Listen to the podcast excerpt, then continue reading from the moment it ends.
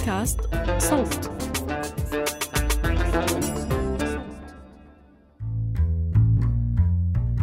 قبل ما تخلص سنة 2021 على خير وهدات بال مرقت علينا فيديوهات لخلافات جرت تحت قبة البرلمان الأردني. جولة تعديلات دستورية شملت مواد عديدة 30 مادة بالتحديد.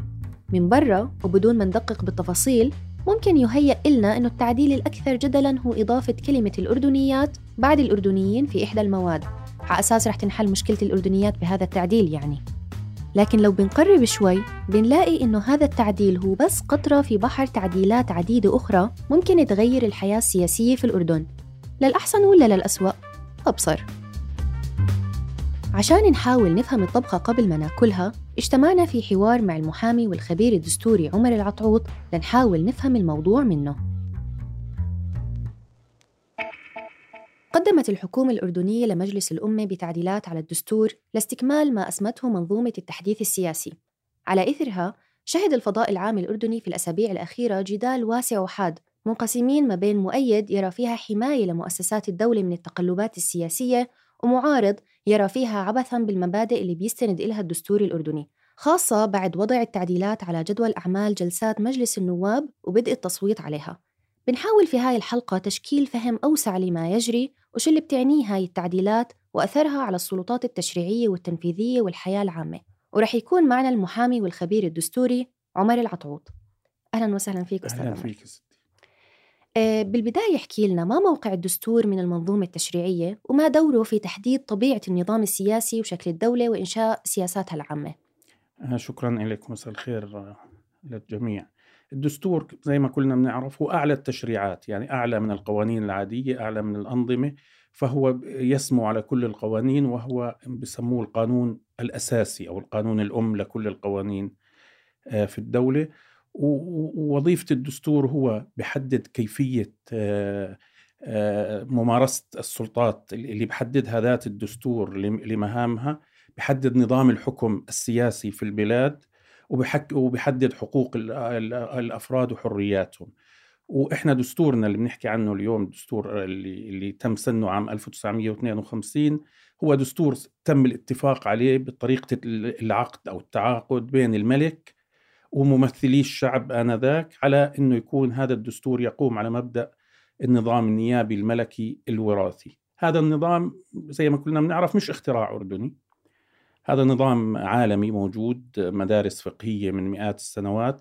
أهم مبدأ في هذا النظام هو أن الشعب هو مصدر كل السلطة والملك آه، يملك آه، آه، والملك يكون من خلال التوارث في في أسرة الملك عبد الله الأول. هذا هذا أهم مبدأ. قصة إنه الشعب هو مصدر السلطة هذا مبدأ كبير جدا فينا نحكي فيه بالتفصيل. ولكن هذا المبدأ الأساسي أنه لا يجوز أن يمارس أحد آه، أي سلطة ما لم يكن منتخبا من الشعب الأردني. تمام. طب لما بدنا نحكي التعديلات الدستورية كيف تعرف التعديلات الدستورية وكيف تتم في الأردن؟ وما الأسباب التي تجيز حصولها؟ الأصل إنه دستورنا أخذ يعني مش دستور مرن في في فيما يتعلق بالتعديلات. آه، إحنا بنعرف القوانين العادية يتم تعديلها من خلال مجلس الأمة ومصادقة الملك بالإرادة الملكية. آه، ولكن الفرق بين الدستور والقوانين العادية إنه القانون العادي إذا إذا مجلس الأمة أقره وطلع للملك مشان آه، الإرادة الملكية لإنفاذه ولم يوافق الملك على هذا التعديل يعود هذا القانون إلى مجلس الأمة. إذا أصر عليه بأغلبية ثلثين يصدر بدون إرادة ملكية. فبالتالي موافقة الملك على القانون العادي آه، آه، ليست شرطا آه، وجوبيا لنفاذه. الدستور مختلف. الدستور هو الوثيقة الوحيدة اللي, اللي الدستور ذاته حدد طريقة تعديلها أنه يجب أن يوافق عليها ثلثي أعضاء مجلس الأمة ويصادق عليها الملك. يعني ما بتسري إلا بموافقة مجلس الأمة والملك. آه هذا الفرق بالتعديلات بين القوانين العادية والدستور. طبعا الأصل أنه الدستور تعديلاته تكون في في في حدودها الدنيا يعني أقل شيء يعني لأنه هذا هذا ما اتفقوا عليه الشعب والملك في مرحلة معينة وبالتالي لا يجوز التعديل إلا إذا طرأت ظروف استثنائية آه، غير غير اعتيادية. إحنا للأسف دستورنا تم تعديله عشرات المرات وكل التعديلات كانت من من عام ال 57 بديش أدخل بتفاصيل تاريخية آه، لغاية نحكي ال 2011 كانت معظم هذه التعديلات هدفها فقط آه، محاولة يعني التنصل من فكرة أن الشعب هو مصدر السلطة. فتم تغييب مجالس النواب فترات طويلة وما إلى ذلك من تعديلات آه، يعني كثيرة اللي حدثت على الدستور خلال هاي الفترة.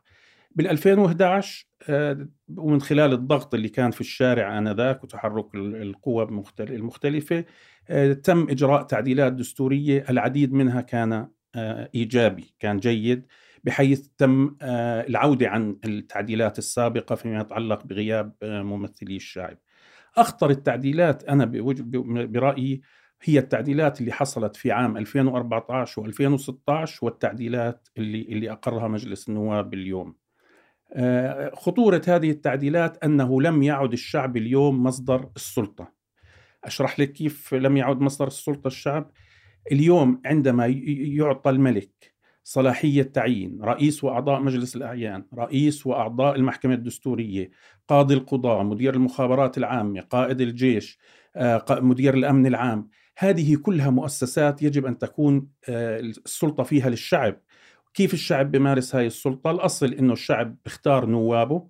آه، الغالبية من هذه النواب من مجلس النواب يكلف الملك فيها رئيس الوزراء لتشكيل حكومة لأنه إذا ما كلف الأغلبية النواب آه، من من يملك أغلبية النواب لن يحصل على الثقة آه، من مجلس النواب والحكومة ما بتقدر إنها تمارس أي صلاحيات إلا بعد أن تأخذ الثقة من آه، مجلس النواب. وبالتالي تصبح هذه الأغلبية البرلمانية بمعنى الأغلبية الشعبية هي من يمارس هذه السلطة. اليوم هذه الحكومة لم يعد لها علاقة في المناصب اللي اللي ذكرتها وهي مناصب مهمة جدا تتعلق بالأمن الوطني تتعلق بالسياسة الخارجية يعني كل صلاحيات آه، الحكومة. آه، هذا من ناحية. الناحية الثانية إحنا صحيح الدستور بيحكي أنه تناط السلطة التنفيذية بالملك وهذه حقيقة. ولكن يمارسها من خلال وزرائه. ليش يمارسها من خلال وزرائه؟ لأنه الملك هو رأس الدولة يعني هو يسمو على على على ممارسة الحكم وفقط هو بيكون حكم ما بين السلطات. تمام. آه، قبل ما نكمل آه، يعني وندخل في تفاصيل التعديلات الدستورية آه، الجديدة بس محتاج أفهم ليه يدور حول التعديلات الدستورية الكثير من الجدل على عكس مثلا أي تعديل حاصل على منظومة القوانين. وشو حدود عادة تعديل الدستور؟ يعني الأصل في أي تعديل دستوري ما يمس المبدأ الأساسي اللي قام عليه الدستور زي ما حكيت لك. المبدأ الأساسي واضح. النظام نيابي ملكي وراثي. أي تغول على هذا المبدأ أنا برأيي هاي جريمة أصلا يعاقب عليها قانون العقوبات. إحنا عندنا جريمة اسمها تقويض نظام الحكم. والناس بتفكر تقويض نظام الحكم إنه بتعلق بالملك وحده. لا مش بالملك وحده. نظام الحكم حدده الدستور اللي هو النظام النيابي الملكي الوراثي. أنت اليوم لما آه، تفرغي النظام النيابي من محتواه أنت عم ترتكبي جريمة في تقويض هذا هذا النظام. وبالتالي أنا أنا بجد إنه هذه هاي التعديلات الأصل إنه لا تمس نهائيا شكل النظام لأنه هذا رجوع عن آه، عقد كان بين الأردنيين والملك. واليوم في كثير مآخذ حول مدى أو أو تساؤلات حول مدى آه، تمثيل مجلس النواب الحالي آه، للشعب الأردني في ضوء العمليات الانتخاب وقوانين الانتخاب وما إلى ذلك. تمام. أه نتحدث كثيرا في الأردن والملك أيضا تحدث عن ضرورة الوصول إلى الحكومات البرلمانية. هناك عدة تعديلات دستورية مقترحة مثل إلغاء جواز الجمع بين النيابة والوزارة أي منع آه النائب من استلام أي حقيبة أي حقيبة وزارية والتعديل اللي حضرتك تطرقت له تعديل المادة 40 التي توسعت في إعطاء الملك صلاحيات تعيين في بعض المناصب الهامة في الأردن آه يعني بإرادة منفردة. كيف تؤثر هذه التعديلات على مستقبل الحكومة البرلمانية من جهة وعلى المناخ السياسي في الأردن؟ طيب أنا أنا بحب أحكي لك. اليوم اليوم بال 2021 آه، في ظل التعديلات اللي اللي جرت واللي أقرها المجلس النواب اليوم لا يمكن أن يكون هناك حكومة برلمانية في الأردن. لا لا يمكن من حيث الشكل ولا من حيث المضمون. الحكومة البرلمانية بنرجع نحكي إحنا ما بنخترع آه، حكومات من عندنا. الحكومة البرلمانية هي الحكومة التي تحكم باسم الشعب. الحكومة البرلمانية اللي إلها ولاية عامة على جميع شؤون الدولة الداخلية والخارجية أنت اليوم سحبتي من أي حكومة قادمة بما فيها الحكومة الحالية سحبتي منها الصلاحيات المتعلقة بالأمن بالسياسة الخارجية حتى بالسياسة الداخلية بمجلس الأمن الوطني اللي, اللي, اللي تم إنشاؤه. آه، تعيينات في مختلف آه، مفاصل الدولة. آه، سحبتي القضاء قاضي القضاء المفتي الأمن العام المخابرات العامة الجيش. فأنا بدي أسألك وبدي أسأل اللي بيسمعونا. يعني لو أي شخص من اللي بيسمعونا اجى رئيس حكومة شو راح تكون صلاحيته؟ بتعرفي إنه حتى إعلان ثبوت رمضان مثلا اليوم بطلت صلاحية الحكومة؟ لأنه الملك بعين المفتي دون غطاء الحكومة دون توقيع رئيس الوزراء والوزير أو الوزراء المختصين. آه، ففعلا اللي اللي حكوه بعض النواب مع إنه بالآخر صوتوا عكس ما حكوا فعلا لم يعد يمكن التوقيت الصيفي والشتوي آه، أنا عم بفكر فعليا شو ضل صلاحيات والله ما أنا عارف مش لاقي. آه، صلاحيات ضلت باسم الحكومة. فاليوم الحكي عن حكومة برلمانية هذا كلام ما له يعني بالمطلق لا يمكن انه يكون عندنا حكومة برلمانية. ذكر أو صرح وزير الشؤون السياسية والبرلمانية موسى المعايطة آه، قال عن المجلس آه، الأمن القومي أنه رح يكون له دور أساسي من أجل التنسيق في السياسات الداخلية والخارجية والتنسيق مع أجهزة الدولة المختلفة الأمنية والسياسية ولن يكون هناك أي تداخل أو تأثير على الولاية العامة للحكومة في عمل المجلس. يعني بالأردن على سبيل المثال في عنا المركز الوطني للأمن وإدارة الأزمات وعندنا عدة لجان عدة عفوا لجان انبثقت في فترة في فترة جائحة كورونا ما الجديد؟ وما يعني برأيك ما ضرورة تأسيس مجلس للأمن القومي؟ وهل فعلا رح يأثر على آه على على على الولاية العامة للحكومة وفكرة نقل مهام رئيسية للوزارات إليه؟ وهل يعتبر هذا تجريدها من وظائفها الحساسة؟ آه شوفي هو اللي اللي حكاه الوزير المعايطة إنه لن يؤثر على الولاية العامة للحكومة يعني خلي خلينا نحكي إنه صحيح لم لم لم يعد يؤثر على ما تبقى من ولاية عامة للحكومة اللي هي زي ما حكينا أنا مش شايف اليوم أي حكومة آه، عندها ولاية عامة لأنه كل مفاصل الدولة آه، مش بإيدها. هذا المجلس زي ما حكيتي هو اللي بده يقرر السياسة الداخلية والسياسة الخارجية والأمن القومي والأمن الوطني وكل الصلاحيات اللي هي هي صلاحيات الحكومة. فما بعرف شو ضل للحكومة حتى تمارس من خلاله ولاية عامة. وهذا المجلس الخطير فيه أنه هذا المجلس يحكم أيضا هذا المجلس يحكم ولكن اولا مش مجلس منتخب هلأ ممكن يجي واحد يحكي لي لا كيف في رئيس الوزراء؟ أنت بتحكي أغلبية البرلمانية هي اللي بتشكل رئيس الوزراء؟ في وزير الداخلية آه، في وزير الدفاع هي ثلاث شخصيات آه، من الحكومة موجودة فيه. آه، صحيح ولكن مين باقي اعضائه مدير المخابرات العامة لا يعين من قبل الحكومة مدير الأمن العام لا يعين من قبل الحكومة قائد الجيش لا يعين من قبل الحكومة وعضوين يعينهما الملك أيضا خارج غطاء الحكومة يعني لا يحتاج لا يضطر إلى توقيع رئيس الوزراء والوزير المختص على تعيينهم. فصار عندك عندك أنت خمسة من ثمانية. هؤلاء وبالتالي اليوم بيحكوا بمجلس النواب إنه هذا المجلس سوف يكون خاضعا لرقابه النواب غير صحيح دستوريا نهائيا. هذا المجلس كيف كيف بده يكون خاضع لرقابة النواب؟ وخمسة من أعضائه من يعينهم لا يخضع للمساءلة أمام مجلس النواب وهو الملك. فاللي صار حقيقة بهذا المجلس إنه إحنا أفرغنا الحكومة من كل سلطاتها من كل صلاحياتها وحكينا للأحزاب يلا روحوا العبوا بحكومة برلمانية زي ما بدكم واقعدوا على الدوار الرابع وانت سمي حالك رئيس وانت سمي حالك وزير ولكن ما لهم أي صلاحية غير ياخذوا رواتب. يعني يعني بهالوضع والله الناس يمكن تفضل يا عمي خلص إلغي الحكومة إلغي مجلس الأمة وخلص سلم كل شيء لمجلس الأمن الوطني حتى تتغير يعني يخلق الله امرا ثانيا يعني. لأنه اليوم عم ندفع تكاليف كل هذه السلطات اللي مفروض إنها دستورية علما انه بطل لها أي صلاحية. حتى مجلس النواب لما يكون هو ما لهش صلاحية الرقابه على من يحكم اللي هو المجلس الأمن الوطني طب ليش يضل؟ فأنا أنا رأيي اليوم الأفضل آه، إما بتراجعوا بيكون في هناك نظرة حقيقية إنه في إصلاح وأنا مش شايف إنه في إرادة للإصلاح وبتراجعوا عن كل التعديلات مش تبعت اليوم حتى ال 2014 و2016 أو يا عمي خلص إحنا نظام حكم سموه اللي بدكم إياه يعني عم بطل له تسمية رئاسي ملكي ملكي رئاسي مش عارف شو النظام يعني. اليوم نظام الحكم في الأردن ما له مثيل في العالم. في أنظمة ملكية مطلقة مفهوم بس بالشكل المشوه اللي صار عندنا اليوم ما ما فيش هيك نظام.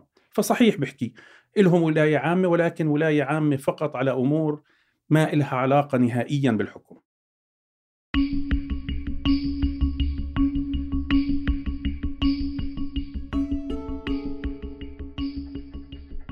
ذكرت إنه بعض آه، أعضاء مجلس النواب بيقولوا إنه رح يكون هذا المجلس خاضع آه، للرقابة وحضرتك نفيت ذلك. هل هناك ما يدلل على خضوع المجلس لأي شكل من أشكال الرقابة؟ لا لا ما في. ما حكيت لك ما هو الرقابة بدها بدها نص دستوري. طب أنا كيف بدي أراقب على على مجلس أغلبية أعضائه يعينوا من الملك خارج غطاء الحكومة؟ أنا بس بدي أشرح شغلة للناس. إحنا بنضل نحكي إنه آه، الملك يمارس صلاحياته من خلال وزرائه. في عندنا المادة 40 كانت من الدستور. هي هي ليش الملك مارس صلاحياته من خلال وزرائه وحتى آه، أوامره الشفوية والخطية لا تعفي الوزراء من مسؤولياتهم. شو أصل هاي المادة؟ أصل المادة أنه الحكومة هي التي تأخذ القرار لأنه هي اللي بتتحمل مسؤوليته. يعني أنا ما في أحمل آه، شخص ما اتخذ قرار مسؤولية.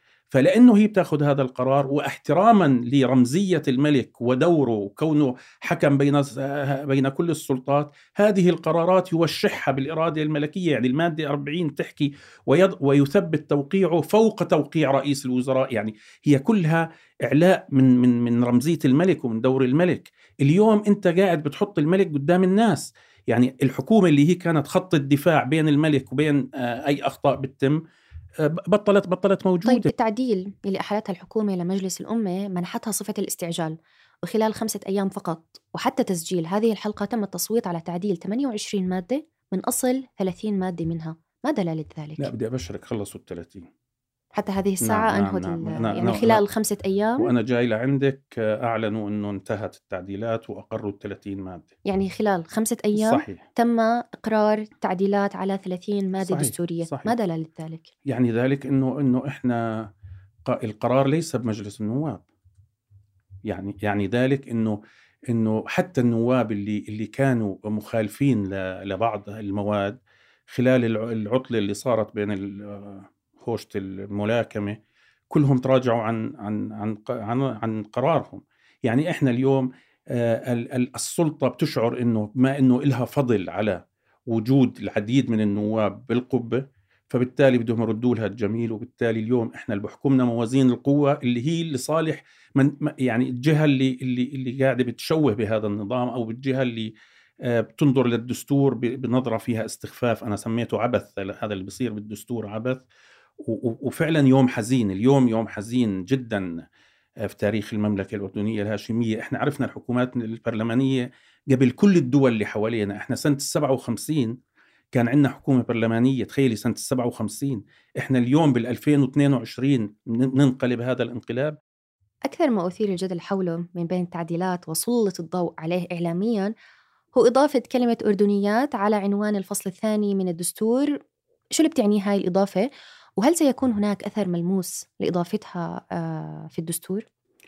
يعني شكرا هو هو نفس مجلس النواب ونفس الحكومة أكدت مرارا وتكرارا طوال فترة مشكلة إضافة الأردنيات أو عدم إضافتها أنه لا قيمة لها رئيس اللجنة القانونية مشان يطمن النواب حكى لهم هذه الإضافة لا, لا, لا تعني حكما في الدستور وصحيح اللي حكاه صحيح. هذا عنوان ما له قيمة يعني مش نص آه، ممكن على ضوءه يتم تفعيل أي أي نص آخر. أنا أنا بعتقد بس هذا مش يعني ممكن أكون غلطان يعني مش معلومة اللي بدي أحكيها هلأ. أنا إنه إنه كل اللي صار هي فقط آه، تهييج الأمر وهوشة وملاكمة مشان آه، هاي هذا التعديل إنه هينا مشينا هذا التعديل مشان تمشي التعديلات الأخطر اللي حكينا عنها آه، بشكل آه، سريع زي ما أنت حكيتي بخمسة أيام. وال 2016 ترى التعديلات صارت بجلسة واحدة يعني مش أول مرة.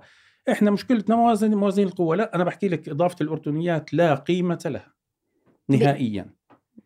بالعودة على تعديلات 2016 وما سبقها من تعديلات هل من طبيعي أساسا إنه يصير في تعديلات على الدستور أربع مرات خلال عشر سنوات لا لا. فقط؟ لا لا طبعا لا طبعا لا طبعا لا. دستور دستور ما حكينا دستورنا مش دستور مرن. آه، والمصيبة بت... بس أنا بحكي لك إحنا إحنا تاريخيا هيك مش مش اليوم. يعني إحنا كان في تعديلات بالسبعينات والثمانينات مجلس النواب يكون منحل أو غير منعقد. عفوا مش منحل غير منعقد. يتم عقد جلسة واحدة لمجلس النواب لإقرار تعديل دستوري معين ومن ثم يتم حله في نفس اليوم. يعني يجتمع ساعتين يعني يتم دعوته العودة عن حله يتم دعوته ينعقد آه، ساعتين يقر تعديل دستوري ويتم حله بآخر النهار. يعني النائب ما يعني ما كملش 24 ساعة مستعيد صلاحيته كنائب. هاي هاي المصيبة. بس برضه الظروف الموضوعية ما بين موازين القوة. موازين القوة. أنا بحكي لك اليوم اليوم آه، مجلس النواب لا يمثل آه، الأغلبية آه، لأنه زي ما حكينا قوانين الانتخاب قد لا تكون عادلة آه، قانون الصوت الواحد اللي فرق الناس 30 سنة له له تأثيره. أنت مش بيوم وليلة فيك ترجعي. بعدين مين الأحزاب اللي بدهم إياها تشكل حكومة؟ مين إحنا عندنا حزب واحد. حزب جبهة العمل الإسلامي. مين الأحزاب؟ يعني مع الاحترام وأنا من خلفية يسارية وأعتبر حالي يساري. الأحزاب اليسارية والقومية في الدائرة الثالثة في عمان جابت أقل من 300 صوت. كل تآلف الأحزاب اليسارية والقومية. فمين الأحزاب؟ هم هم يعلموا إنه ما في أحزاب. هي كيف الحكومات اليوم تتشكل؟ بكرة بتشوفي هياكل حزبية بلشوا أصلا آه، نفس نفس اللي عم بيحكمونا صار لهم 20 آه، سنة هلأ عم بشكلوا أحزاب. يعني إحنا خياركم في الجاهلية خياركم في الإسلام ما في. هدول عليكم عليكم. يعني هم اللي اللي اللي اللي, اللي أفسدوا الوضع وهم اللي بدهم يصلحوا الوضع. آه. الوضع الوضع محبط روان هل في التعديلات السابقة كان يتم مثل التعديل اللي صار في هاي الجولة؟ إنه إحنا بنحكي يعني شملت هاي الجولة 30 تعديل أو 30 مادة تعديلات على 30 مادة. صحيح. هل برضو كان يعني هذا الكم من التعديلات كان لا لا سابقا؟ لا, لا باستثناء ال 2011 صار في ناس العدد ولكن صار في تعديلات آه، كبيرة. ومعظم هذه التعديلات هي صحيح كانت عودة عن التعديلات اللي جرت خلال السنوات الأحكام العرفية. يعني هي مش مش كلها جديدة. طبعا من التعديلات اللي أنا رأيي أنها سلبية في 2011 آه، إنه تم دسترة فكرة محكمة أمن الدولة. يعني إحنا كنا لما قبل 2011 بضل عندنا أمل إنه في يوم من الأيام المحاكم القضاء النظامي الاجتهادات تحكي إنه هذه المحكمة اللي بعين رئيس الوزراء بعين قضاتها والنيابة العامة عسكرية وتحاكم مدنيين ضل عندنا أمل إنه يوم من الأيام يعود يعني يتم العودة عن هذا الاجتهاد. بال 2011 تم النص عليها بموجب مادة دستورية للأسف. شو هي المخاوف الممكنة تجاه تمرير هذه التعديلات وشو التوصيات في هذا الشأن؟ بحكي لك المخاوف المخاوف إنه وضع مؤسسة الش...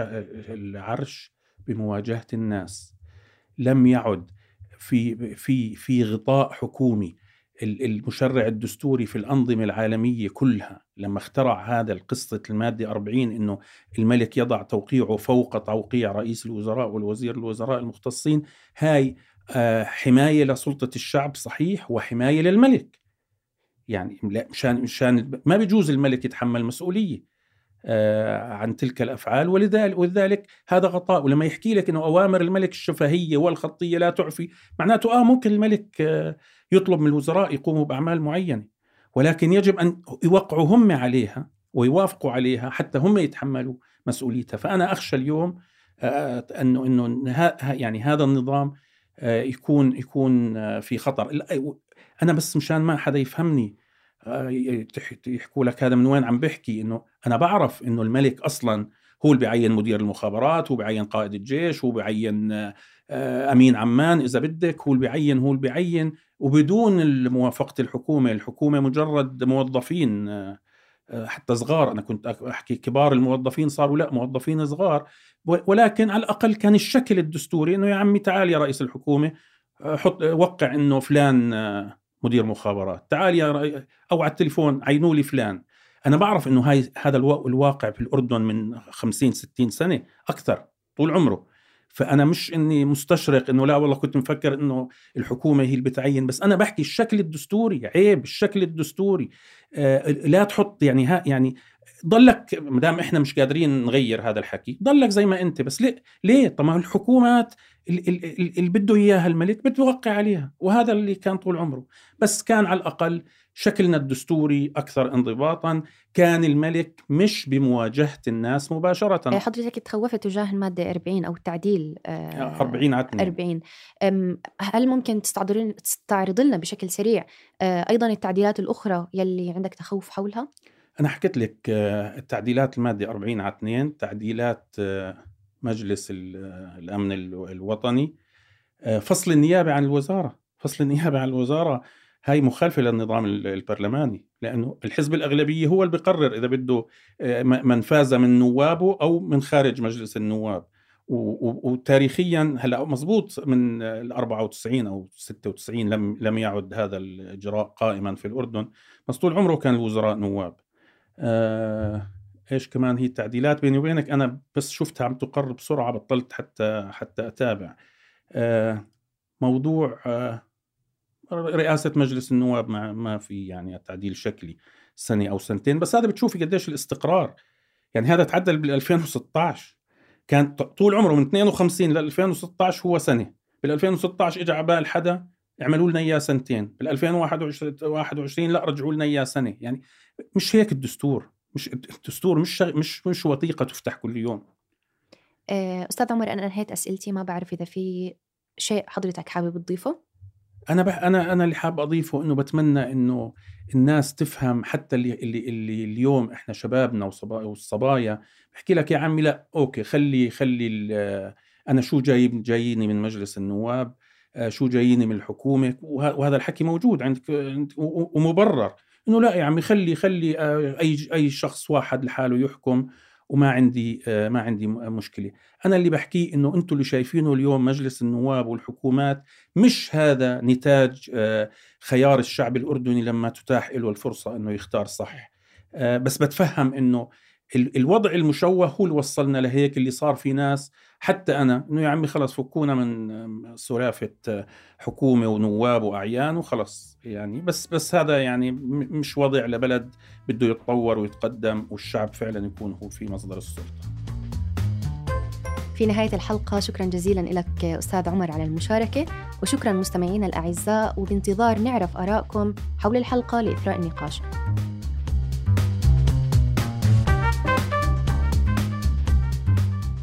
كنت معكم من الإعداد والتقديم روان نخلة للتحرير جنى قزاز وعمر فارس من الهندسة الصوتية محمود أبو ندى. هاي الحلقة من إنتاج صوت.